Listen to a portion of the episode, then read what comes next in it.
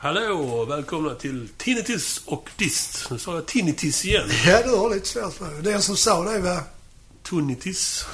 Tonitis Bengtsson. Palle Arvidsson heter jag. Ulf Österlind heter jag. Vi har en podd ihop som heter Tinnitus och Dist. Ja, så låter det när det uttalas riktigt. Och den har en uh, webbsida.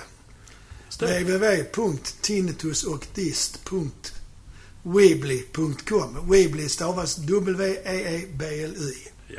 Och vad har vi där?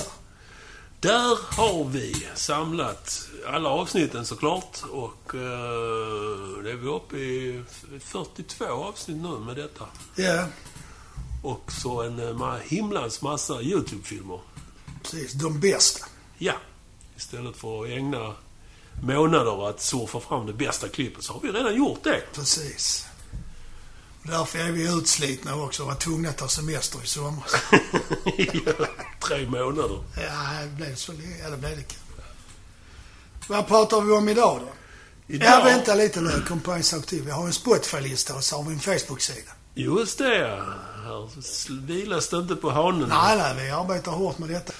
Ja, men vi har eh, Facebook-sida som man kan eh, dryfta spörsmål och klagomål och glada tillrop. Glada också. tillrop tar vi tacksamt emot. Jajamensan.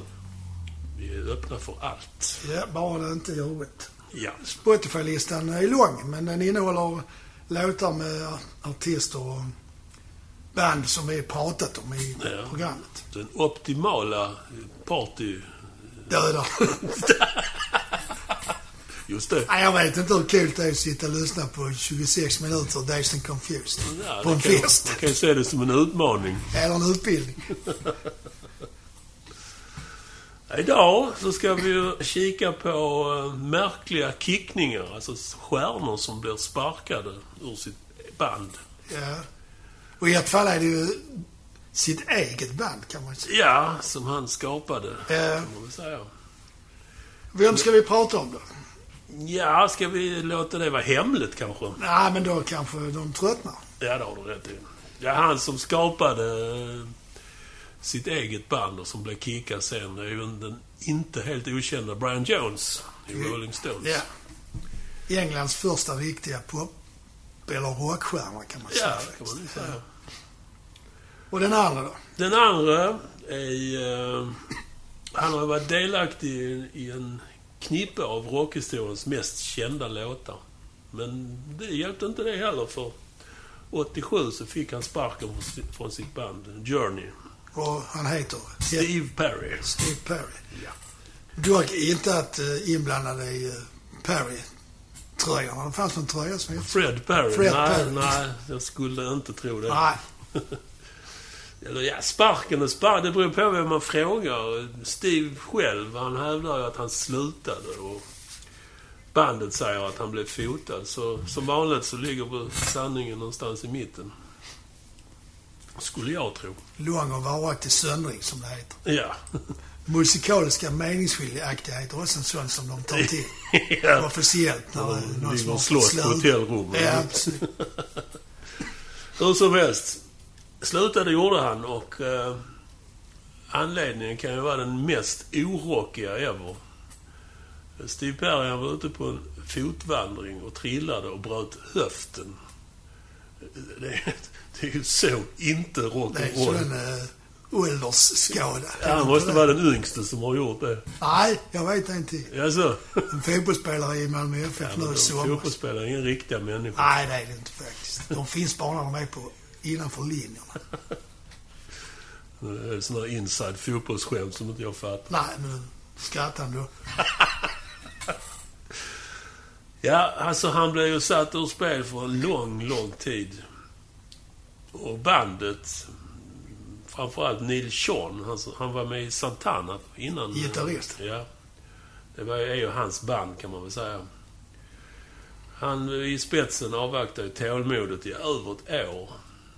Mm, och eh, när återigen ett planerat startdatum för en stor och lukrativ turné såg ut att grusas.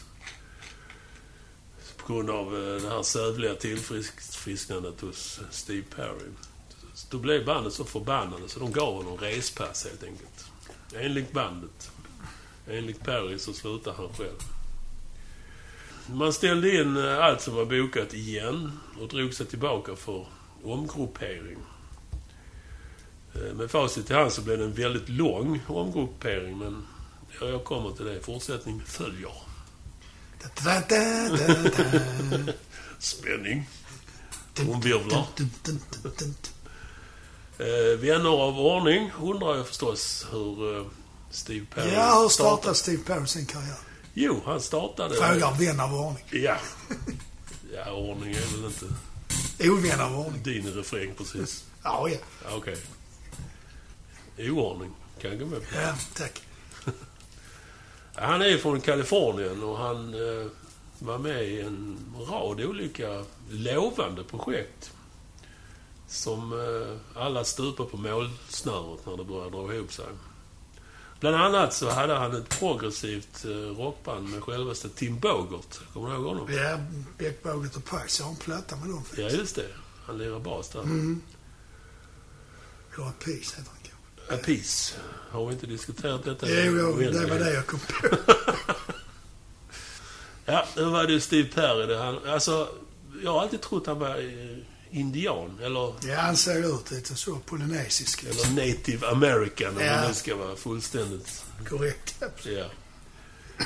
Nej, det visar sig att eh, hans föräldrar är utvandrade portugiser. Ja, ja, ja. Det förklarar också varför inte indian passar in på lodrätt 4. Nej, det är faktiskt det. Har du helt rätt i. Eh, 1977, det var det året som eh, Steve Perry slutligen ruttnat på alla de här ständiga nej han dittills hade fått av eh, musikbranschen. Så han bestämde sig för att göra någonting annat. Men, då kom det där förlösande samtalet. I detta fallet var det Journeys manager, Walter Herbie Herbert, som ställde den guldkantade frågan. Herbie var för övrigt en rätt drivande människa som- som inte bara bokade spelningar utan han var inblandad i det mesta som rörde Byggde bilar också. Ja. Har man ju talat om. turnéfordon. Alltså, ah, ja, det är hans verk. Tror jag. Och Journey i sin tur hade ju länge varit ett kämpande, även de progressivt rockband. Ja, de eh, härstammar ju faktiskt från eh, Santana-banden. Ja, ja, Både Neil Sean och Greg Rowley som spelar keyboard från början, de kommer ju därifrån. ja just det. Så det, men det Jag har faktiskt deras andra platta och den låter väsensskild från eh, hur det blev sen. senare, ja. ja. Så den är bra alltså. Ja, men de hade, på den tiden så hade de ett småstruligt förhållande till sin dåvarande sångare. Bland annat, bland mycket annat, så föredrog herr sångaren att ha sin egen manager. Och det var ju såklart en nagel i ögat på manager Hörby. Så han eh, bokade faktiskt även Santana på den tiden. Ja, okej. Så det är väl så kopplingarna Ja, det kan det vara. uppstått. Eh, Efter värvningen av Steve Perry, Perry till Johnny så följde en aningen märklig introduktion. Steve Perry började åka med på Johnnys turnéer undercover som en av rollernas portugisiske kusin, som det heter. Men jag får se och lära då liksom. Ja. ja. Ja. Det var bara för att inte herr, sång, herr befintlig sångare skulle ha en oråd. kunde han lära sig showen i lugn och ro. Eh, Så självaste, vad heter auditionen, heter det? audition säger man, men jag vet fan vad det heter på svenska. Ja. Det skedde under ett soundcheck när... eh, Provspelning heter det nu. Ja, så heter det. Audition är icke ett svenskt ord. Nej, Fastställer vi härmed. Ja, klubbas. Eh, Sångaren var iväg på ett ärende. Droger antagligen. precis. Och det var där han eh, provsjöng då. På ett soundcheck. Eh, Hörby, managern, han meddelade kort därefter till bandet och världen att Johnny numera har en ny sångare. Eh, och det kan ju då tilläggas att för övrigt så kan Journey vara det personalmässigt mest struligaste band någonsin. Under hela sin karriär har bandet, eller läs Neil Sean egentligen, sparkat folk i parti och i minut. Eh, och jag kommer att gå igenom, alltså märk väl, jag berör bara sångare och trummisar i det, det jag kommer att berätta. Men det har förstått, förstås även varit stor omsättning på pianista och basista jävlar och allt annat. Löst folk! Men eh, med Steve Perry installerade vi micken. Det var där man lämnade den här progressiva rocken. Tog en skarp högersväng mot eh, pop och money beat. Och därmed så upprörde man ju naturligtvis deras proggälskande fans till en början. Men har man en pipa som Steve ombord och lirar lättillgänglig musik så hittar man snabbt nya fans. Det är Såklart. sant. Och eh, de sparkar ju upp dörren eh, året därefter, 78. Kom en platta som hette Infinity. Den första med Steve Perry.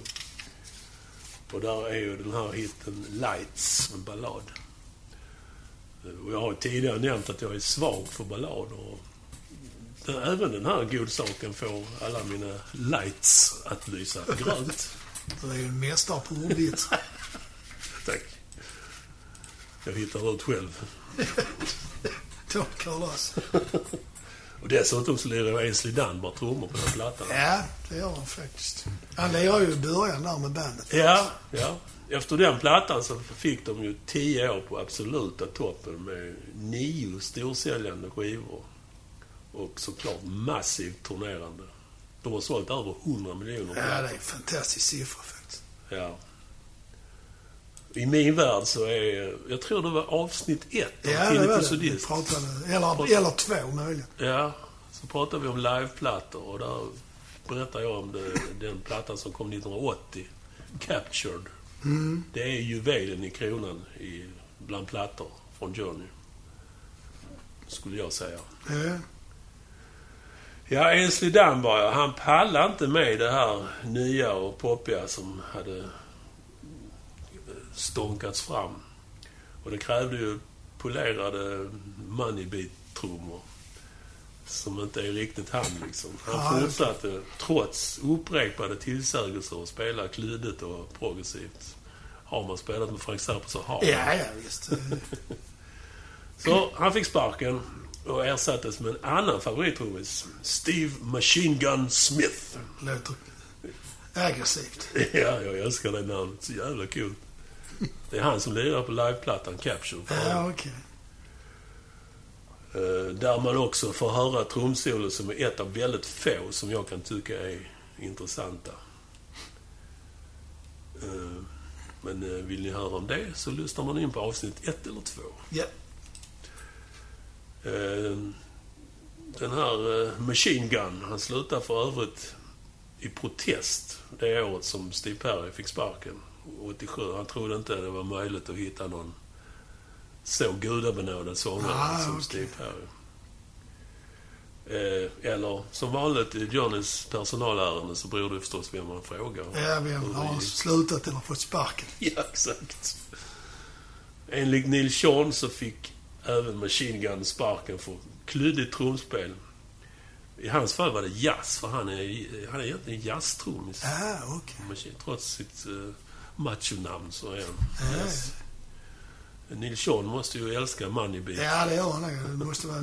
tycker det är viktigt. Men innan allt det eländet hände, så 1981 så släppte man plattan Escape. Och det är nu det verkligen lyfter för Johnny.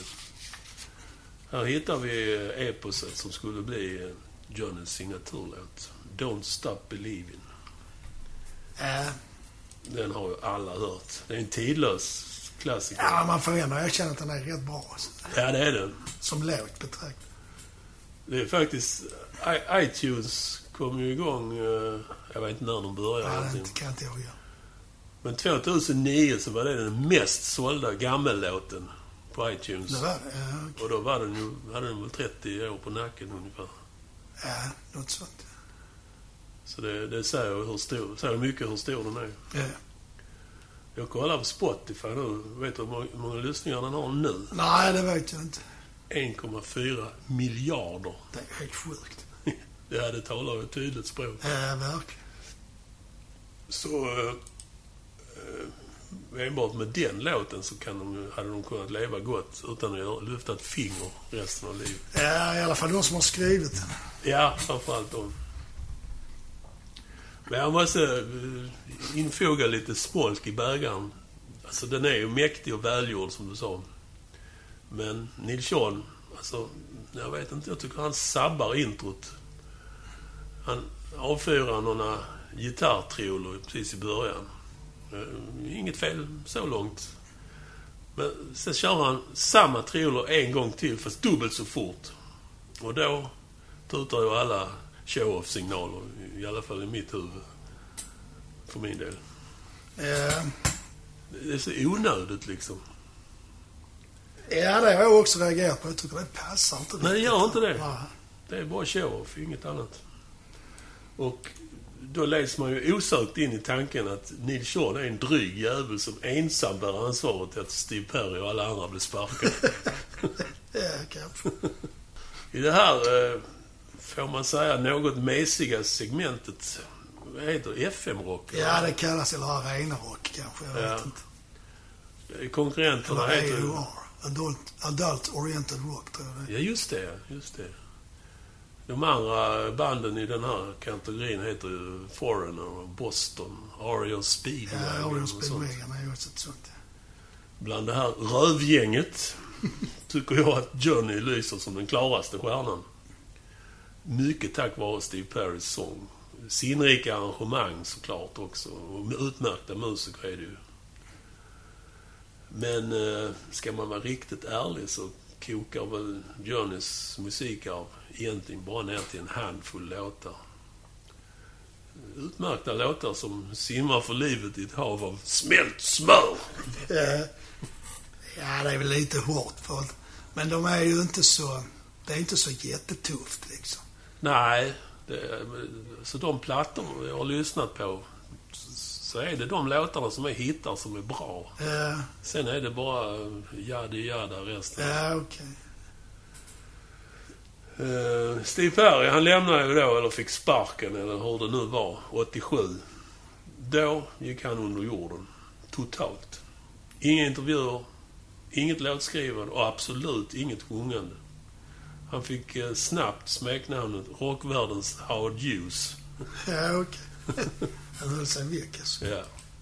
Men eh, olikt den gode flygar-Howard så tog Steve Perry sig i kragen och släppte så småningom några soloalbum. Ja, ja, ja. Ingen koll på det heller. Nej, jag har inte lyssnat så mycket på Fast jag har aldrig varit... Jag måste tyvärr erkänna att jag har aldrig varit särskilt förtjust i varken Journey eller det som kommer efter. I, alltså när...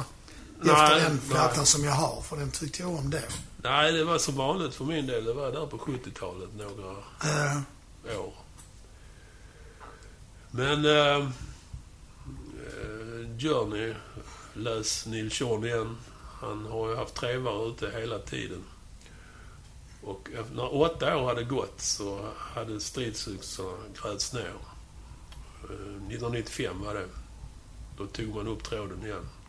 Och då återvänder även Steve Machine Gun Smith. Eh, Man började spela in en skiva, Trial by Fire. Och allt tycktes vara fina fisken ända tills det började planeras en turné kring den nya skivan. Inte helt oväntat, kan man ju tycka. Nej, det är ju gången liksom. Platta, turné, platta, turné. Ja, visst. Och eh, utöver sin gamla höftskada hade Steve Perry nu drabbats av artros. Även det är ju rätt ungt. Ja, det får man ju säga faktiskt. Och det stod klart att eh, han måste byta sin höft för att kunna klara av livet på vägarna. Men eh, återigen så lät Steve tiden gå. Ingen operation bokades eller genomfördes. Och bandet tjatade hela tiden på honom. Kanske just därför så de drog det ut på tiden ännu mer. För ingen skulle tala om för Steve Perry vad han skulle göra. Nej. Han ville själv bestämma när reservdelarna ska monteras. Nu är det ju så i hobbies att eh, det ytterst sällan är en bra idé att åka på turné och promota en skiva som är lastgammal. Så, here we go again. Samma scenario som 87.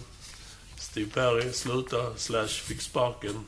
Och som följer det slutar, slash sparkas även Machine Gun. Året efter, 98.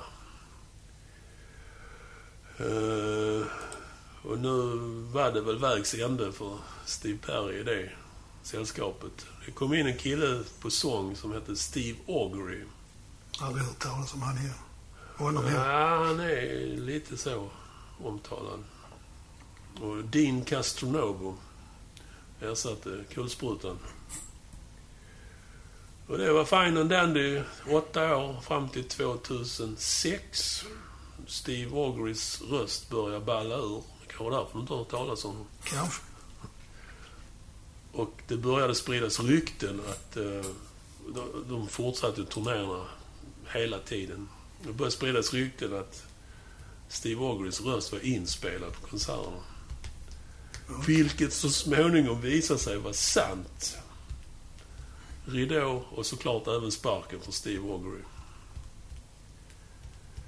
Eh, och det är nu, den här historien är ju rätt känd om den här filippinska Ja, sångaren. ja visst.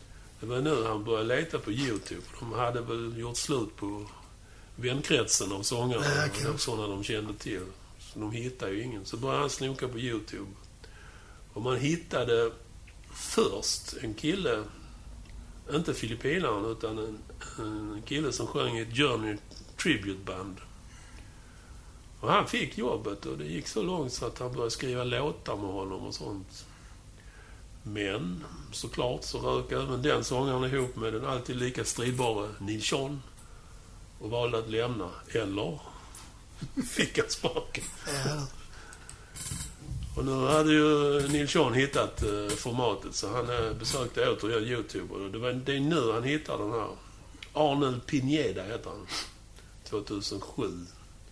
Konstigt nog är han kvar än idag. Neil Sean har blivit gammal och mildare kan man ja det blir så med åldern. Det är så rajsigt. Testosteronet går ner. Ja.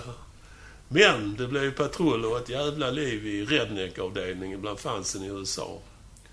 Inte nog med att man plockar in en filippinare. Basisten vid tillfället är, nu är jag korrekt igen, African American. Men eh, det var bara tjafs, det lugnade ner sig så småningom.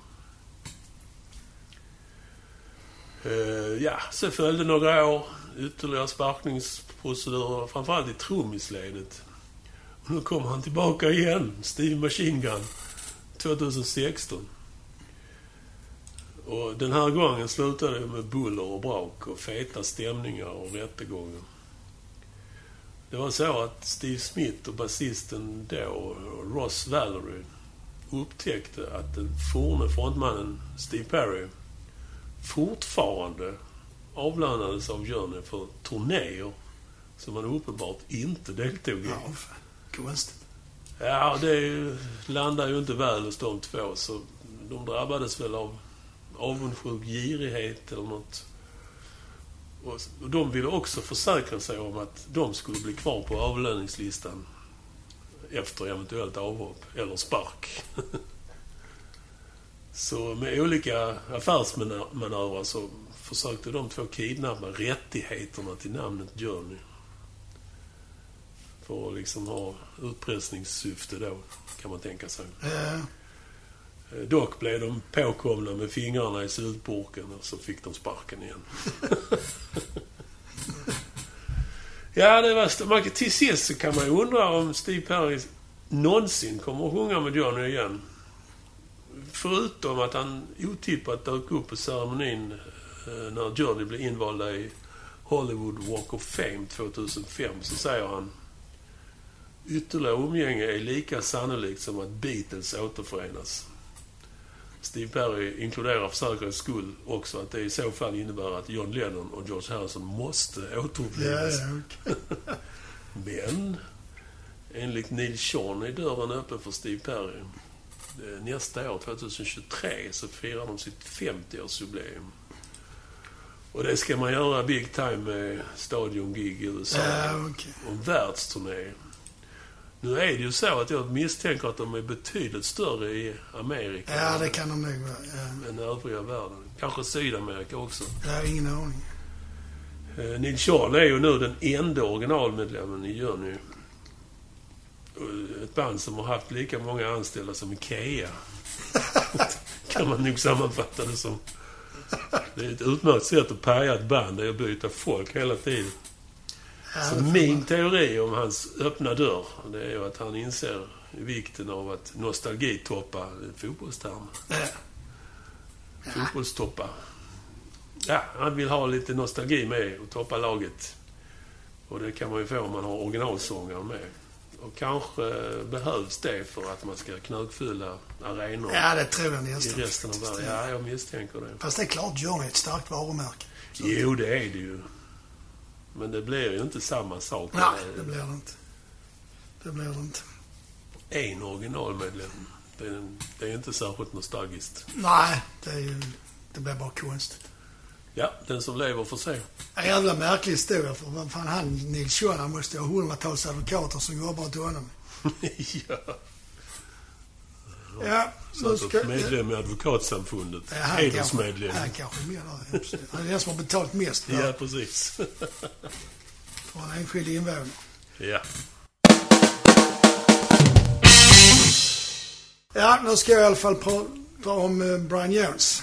Rolling Stones gitarrist, Ja, munspelare, multiinstrumentalist får man säga faktiskt. med det sorgliga slutet. Ja. Som jag sa innan så är han nog den första riktiga engelska rockstjärnan. Dessutom var han ju jävligt begåvad musiker och instrumentalist. Han kunde ta ett instrument vilket som helst i stort Ja. sett. Och efter en stund så hade han fattat hur det funkar och så kunde Stones använda det på sina inspelningar. Ja. Men tyvärr så var han, vad jag förstått, ganska skör och låg impulskontroll. Konstnärssjäl. Ja, stort, enormt bekräftelsebehov. Ja. Hade svårt att stå emot en frestelse. ja.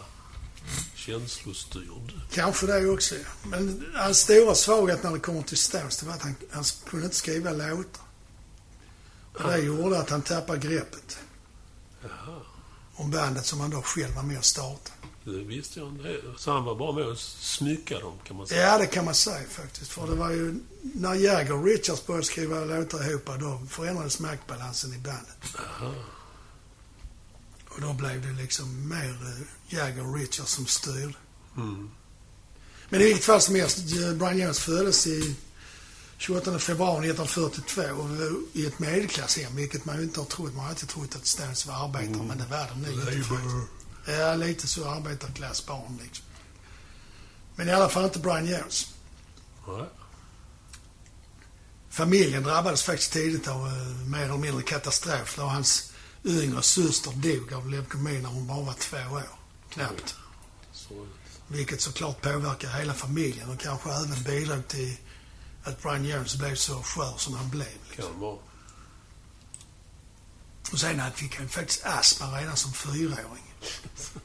Snacka om flyt. Elände. Ja. Och det hade han resten av sitt liv.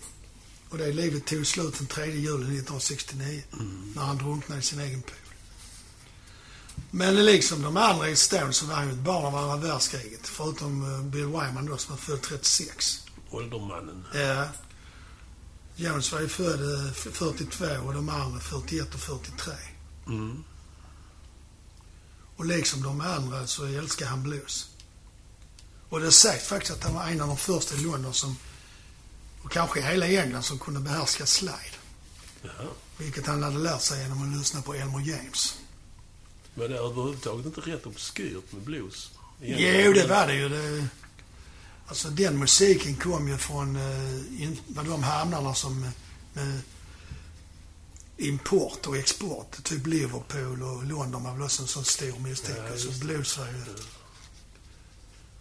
Jag vet inte om det var obskyrt, men det var ju en musik som inte de äldre lyssnade på, utan det var ju ungdomarna i England som lyssnade på blues. Ja, ja. Och de fick ju tag ofta i plattorna då via de här importkanalerna. Ja. Men de som fanns runt Brian Jones och Stones vittnar om att han var en kul och intelligent kille. Mm. Som gärna tog ett par glas och inte tackade nej till en fest liksom. Nej. Och, och redan som 18-åring blev han pappa för första gången. och så som 25-åring var han redan far till fem barn. Uh -oh. Han hade inga problem att sätta på tjejer, men kondom, ja. Det var nog lite svårare. Och enligt vad de säger också så hade han ett jävla temperament. Det Och hamnade ibland i eh, diskussioner och bråk liksom. har man svårt att tänka sig. Han ser så mild ut. Ja, han gör ju det faktiskt snäll liksom.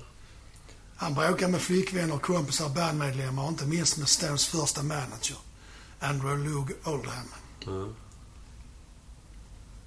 Framförallt kring inriktningen av bandet, men eftersom Jones tyckte att deras sväng mot pop och, och sånt under delar av 60-talet, det var ju inte sånt, det var inte blues.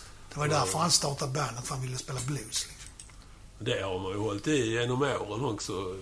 Richards och Jagger, de har gärna sneglat på moderna... Ja, Jagger speciellt är ju Ja. glad för att följa tidens trender liksom. Det var ju lite disk... Alltså jag ska inte säga disco, men under discoeran så Ja, var ja. det liksom åt det hållet. Ja, Och så vidare. Missio är ju ett bra exempel på det. Ja, till exempel. Han startade ju bandet 62, Jones, efter att ha spelat med den engelska bluesens fader, som de säger, Alexis Korner. Mm.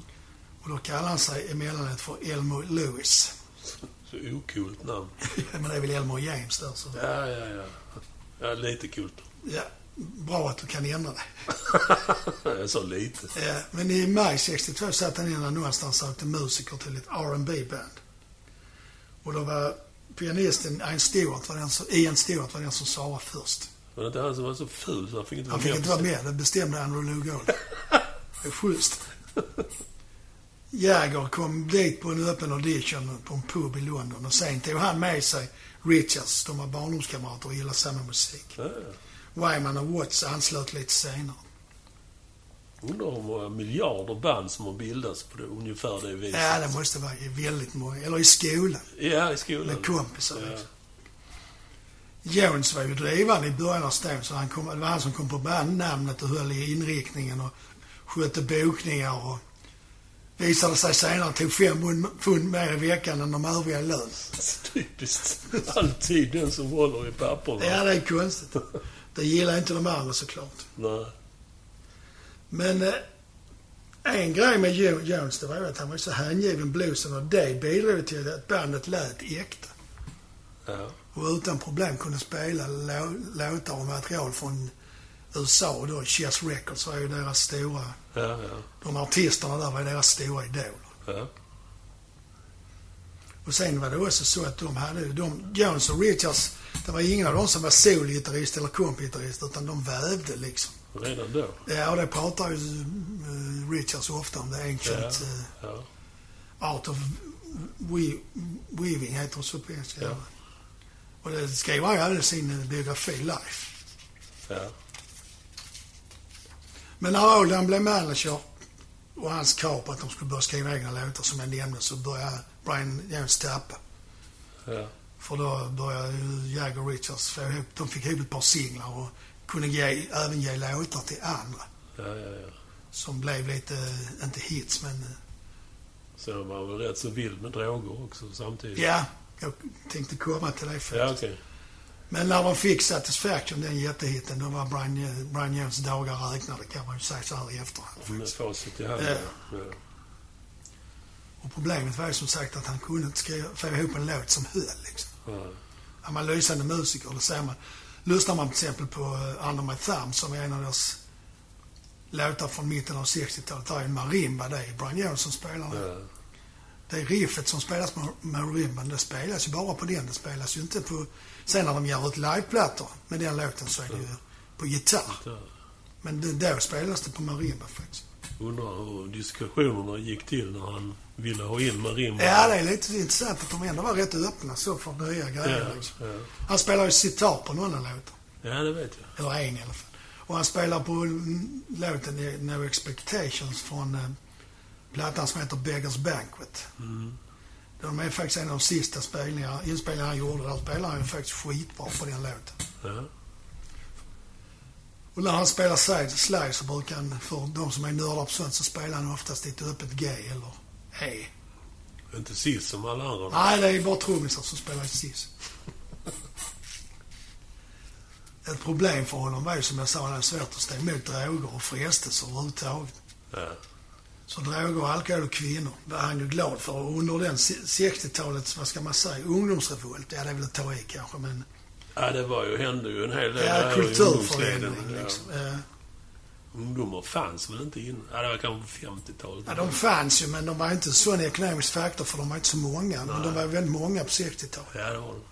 Alla Som, hade, ja, som blev 20 och där liksom. Och då var det de som styrde kulturen. Och det var ju de eh, pop och rockbanden som var mest inne och som styrde smaken för ungdomar. Och Brian Jones var ju en förgrundsfigur där. Han klädde sig extravagant, ser bra ut, hade alltid vackra kvinnor runt sig liksom. Mm, mm. Och ett par svenskor dessutom faktiskt. Ja, just det. Och en från Malmö också. Ja, hon är med i en film som, eh, kommer inte bara ihåg vad den heter, men den handlar om den, en fest som Rolling Stones var på i Malmö Mm. på 60-talet. Just det. Och hur det blev sen liksom. Den är ganska bra den. Mm.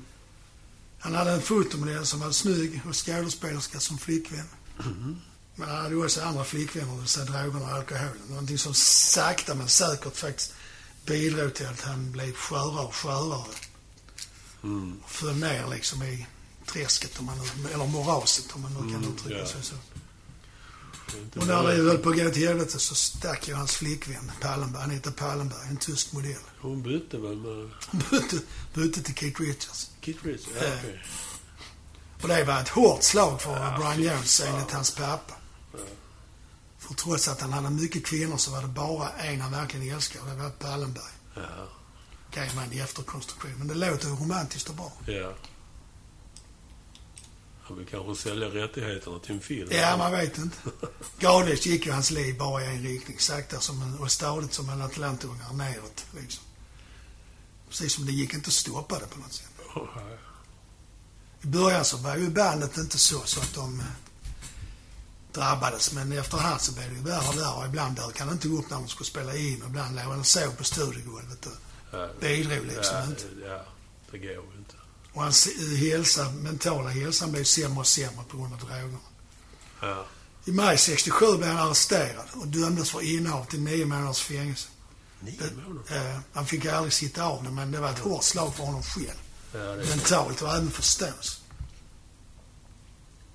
Enligt eh, Brian Jones och Stones så var drogerna planterade för att de, polisen ville klämma åt dem liksom. Ja. Eftersom de skulle, de var många ungdomars förebilder och då skulle man stoppa det på något sätt. Jag vet- inte hur staten tänker i sådana sammanhang. ja, det gick ju bra ju. Ja, precis. Sen var under perioden 66 till 69 så turnerade Stones inte i USA. Och då hade de fått ett erbjudande om att göra det och för att kunna turnera var de tvungna att vara i form. Ja, det är ju tufft resande om man ska spela Ja, ja, kanske ja, varje ja. kväll och, Ja. och hålla sig från droger liksom, så gott det gick. Och managementet fick dessutom tips om att eh, Brian Jones skulle nog inte få något arbetstillstånd på grund av en, den domen han hade fått. Nio månader där. ja, de har alltid varit hårda med sånt. Ja. Och med tanke på det och Jones mentala och fysiska sta- status och att han inte bidrar längre så kom bandet fram till att vi får nog göra oss av med honom. Ja. Och äran att meddela det beslutet det gick till Charlie Watts, Mick Jagger och Keith Richards. Så de åkte ut till hans hus i Sussex Mm. som han hade hyrt eller köpt av den till författaren till Nalle Puh. ja, just det. Han hade bott där. Ja. Ser ut som ett sagohus. Ja, det kan man förstå med tanke på Puh. Men Richard säger i sin bok att det var inget roligt samtal, men att det måste göras. Och då anar man också hårdheten och affärsmässigheten hos Ja. Richards och de övriga liksom. Ja, ja. Vi skiter i att det är en av våra bästa vänner det här är.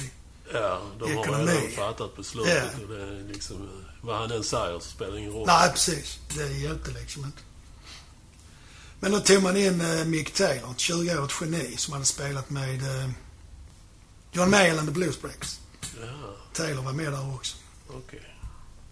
Och i och med att Taylor kom med, för han var ju så jävla bra på att spela solo, så fokuserade Richards på att spela komp. Och då menar jag att eh, den perioden är den bästa i Stones ka- karriär faktiskt. Ja. När Jagger, eller Fred Richards ägnar sig mest åt att kompa och Taylor tar hand om allt solospel. Ja, ja, någon solist är ju varken Richards eller... Oh, vad heter nu han? Ron Wood. Wood ja. Eh, nej, det är de inte på det sättet. Det är de inte.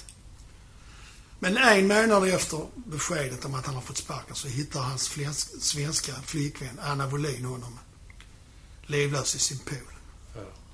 Hon hävdar att han lever när de plockar upp honom. Han hade puls, men det gick inte att rädda honom. Och vid poolkanten låg hans inhalator som han alltid hade med sig. Astma. Ja.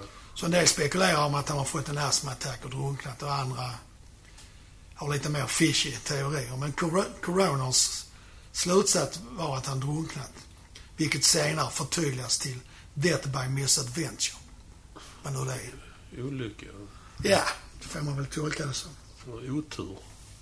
Ja, nej, det kan det inte vara. Det är ju alla drunkningsolyckor måste ju vara otur på något sätt.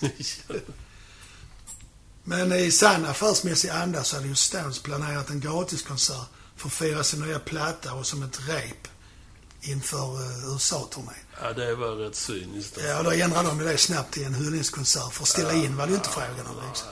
Hyde Park. va? Ja. Och den var ju bokad så den, den skulle ju genomföras två dagar efter Brian hade dött. Så de kunde ju inte ställa in den enligt, enligt vad de själva resonerar sig fram till. Ja, det är ju det är ju liksom pest eller kolera. Ja, lite så är det. Så det genomförs, men som en hyllning till Brian Jones. Och som jag sa innan, hyckleri och affärsmässighet. Lite. Det är ju två är ord man kommer att tänka på. Fast å andra sidan, man kan ju ändå tycka om någon fast man har sparkat dem. Det var ju en... De ju det nödvändigt liksom. Ja, alltså i deras huvuden så måste det vara helt korrekt. Men Ja. det, när det inte fungerar så fungerar det Nej. Och det är ju mycket pengar och de vill ju fortsätta sin Ja. konstnärliga gärning om man nu kan säga Så man kan ju tänka sig att de känner att nu tar vi språnget Ja, i och med USA-turnén. ja precis. Eh, sen han dog har ju hans död faktiskt varit föremål för spekulationer. Richards är ju väldigt eh, så. Han tycker ju att det är något skumt som inte har kommit fram och Ja, lite ja. sådär. Och det finns ju faktiskt en hel spelfilm som heter Stoned. Som handlar om hans liv där man lägger fram en teori som inte är samma som den officiella versionen. Det finns ju också en dokumentär på Netflix. Rolling Stone, Life and Death of Brian Jones heter. Ja, jag har sett den, men det är lite mer, lite väl mycket konspiration. Ja, det är det jag tänkte komma till det också. Där, Ja. där drivs ju tesen att huset som Jones bodde i behövde fixas till. Ja, Och för det kontrakterades man en byggfirma och firman hade en VD som var het på gröten och en argsint liksom. ja, Och när Jones inte var nöjd med reparationerna och dessutom var skyldig byggherren en massa pengar och sa upp kontraktet så blev, eh, blev han sur. ja. Och på en fest så ska det då ha uppstått bråk. Ja. Och då ska byggherren och Jones ha brottats i poolen och Jones ska ha sjunkit till botten och drunknat. Och då undrar man varför, varför om man diskuterar för, varför badar man då? Om man dessutom inte är överens. Nej, precis. Det är också lite så. Och enligt då teorin i den, tesen i den filmen så ska polis och etablissemang ha försökt eh, sopa undan bevisen. Och eh, vilket då ledde till... Eh, Men alltså, varför skulle polisen... Det är ju inte, de är ju inte kända som den mest korru- korrupta polis... nej, och vad, alltså det här att staten skulle försöka klämma... Ja, exakt ja. Det hade de ju försökt med en gång och det gick ju inte. Och varför skulle polisen dölja liksom? Ja, det känns märkligt. Men som sagt, andra menar ju att det var en olycka och Jones fått en astmaattack och drunknat. Men Och de gick ju dessutom lite längre än de flesta. De menar på, där stod ett kar med vatten i anslutning till poolen. Ja. Då menar de att, att han hade blivit dränkt i karet. och sen i hooket. Kastad i poolen, ja. Men då skulle det vara skillnad på vatten och vatten i lungorna. Ja, just det. Om man tänker så. Men de kanske inte hade så Nej, avancerat det vet jag inte. mätgrej. Jag tittar för mycket på CSI. Och vittnet till mord. Men i alla fall, på grund av de här konspirationsteorierna så i augusti 2009 återupptog man utredningen. Jaså? Efter att man fått in nya uppgifter från en journalist som heter Scott Jones. Han hade bland annat hittat många av de som var i huset när Jaha. det hände. Ja, okej. Och OC har hittat andra dokument, olika dokument i polisarkivet som då inte hade använts. Men polis, Sussexpolisens slutsats blev att inte öppna fallet eftersom man inte fanns, tyckte att det fanns någon bevis som pekar på att Coroners ursprungliga utsats, slutsats var fel. Okej. Så att där stannar det liksom och teorierna fortsätter. Ja. Men i vilket fall så var ju Jones en av de, han fick ju, han är ju en av de som fick sparken. Ja. En stjärna får man säga. Ja, ja, absolut. Undrar hur den ekonomiska kalkylen såg ut. För att de, det kan ju ha varit att i och med att Jones fick sparken så skulle det kunna bli så att intresset för Stones tappades. Dalade i alla fall. Det kan man ju mycket väl tänka sig Ja. eftersom han var ju fixstjärnan. Ja, då var han ju det. När Ingen frontare direkt. nej, men han var ju ändå den som media intresserade sig för. Ja, och ja. Lite mer än Jagger Richards. Men det är klart det är det där att Jagger Richards skrev ju låtar. Ja. Och Charlie Watts och Bill Wyman insåg väl liksom vem det är som styr projektet. Ja. Så de hängde ju på där liksom. Ja. Så har det nog gått till. Men alltså hans, han drev ju bandet och hans, hans personlighet var ju utåtriktad och stjärnglass. Så han har ju bidragit till att Stones har blivit så stora som de blev. Ja, ja. Och hur man än vänder och vrider på det så är det ju ett sorgligt öde. ja, verkligen. Så att, Men... men, Påminner mycket om Syd Barrett i Pink Floyd. ja, men han är ju ännu mer obskyr liksom. Ja. Men Vem, ändå att han liksom knarkar och växer. ja, ja, du menar så. Ja, ja det är många som har åkt dit i den Ja. fällan. Don't do drugs. Sa de och blinkade. Jag är också korrupt. ja, precis. Ja, men det är slutet så... Det tragiska slutet lämnar vi er med ångest. Ja, precis. Och som sagt, ta inga droger för att dämpa den. Nej. Ta ett järn. Men skål! Tack ska ni ha för att ni lyssnar. Vi hörs och ses. Ja. Jag ses kanske inte, men hörs i alla fall. Hej, hej. Hej! Och, Ja, ja, vi glömde en grej. ja, I, i, vi tar nya kliv i... i vår utveckling. Ja. Eller inveckling. Ja. Nästa avsnitt kommer vi faktiskt göra något som vi aldrig har gjort. Vi ska intervjua en gäst. Och det är inte vem som helst. Nej, det får man nog säga. Det är, det är ju ingen som är vem som helst. De är allt sig själv. Ja, ja, så är det. Det var lite väl kommunistiskt. Ja, det var det kanske. Men i vilket fall som helst så tänkte vi intervjua en av Malmös mest välrenommerade musiker. Ja, verkligen. Han har varit med alltid. Ja, eller som du brukar säga, huvudinstrumentalist. Ja, just det. Och då är det alltså Håkan Nyberg. Håkan Nyberg, ja, trumslagare, Ja. Som vi eh, har glädjen Ja. och förmånen att få prata med i nästa avsnitt. ja, det ser vi fram emot. Ja, det gör vi. Och med det, hej då. Hej!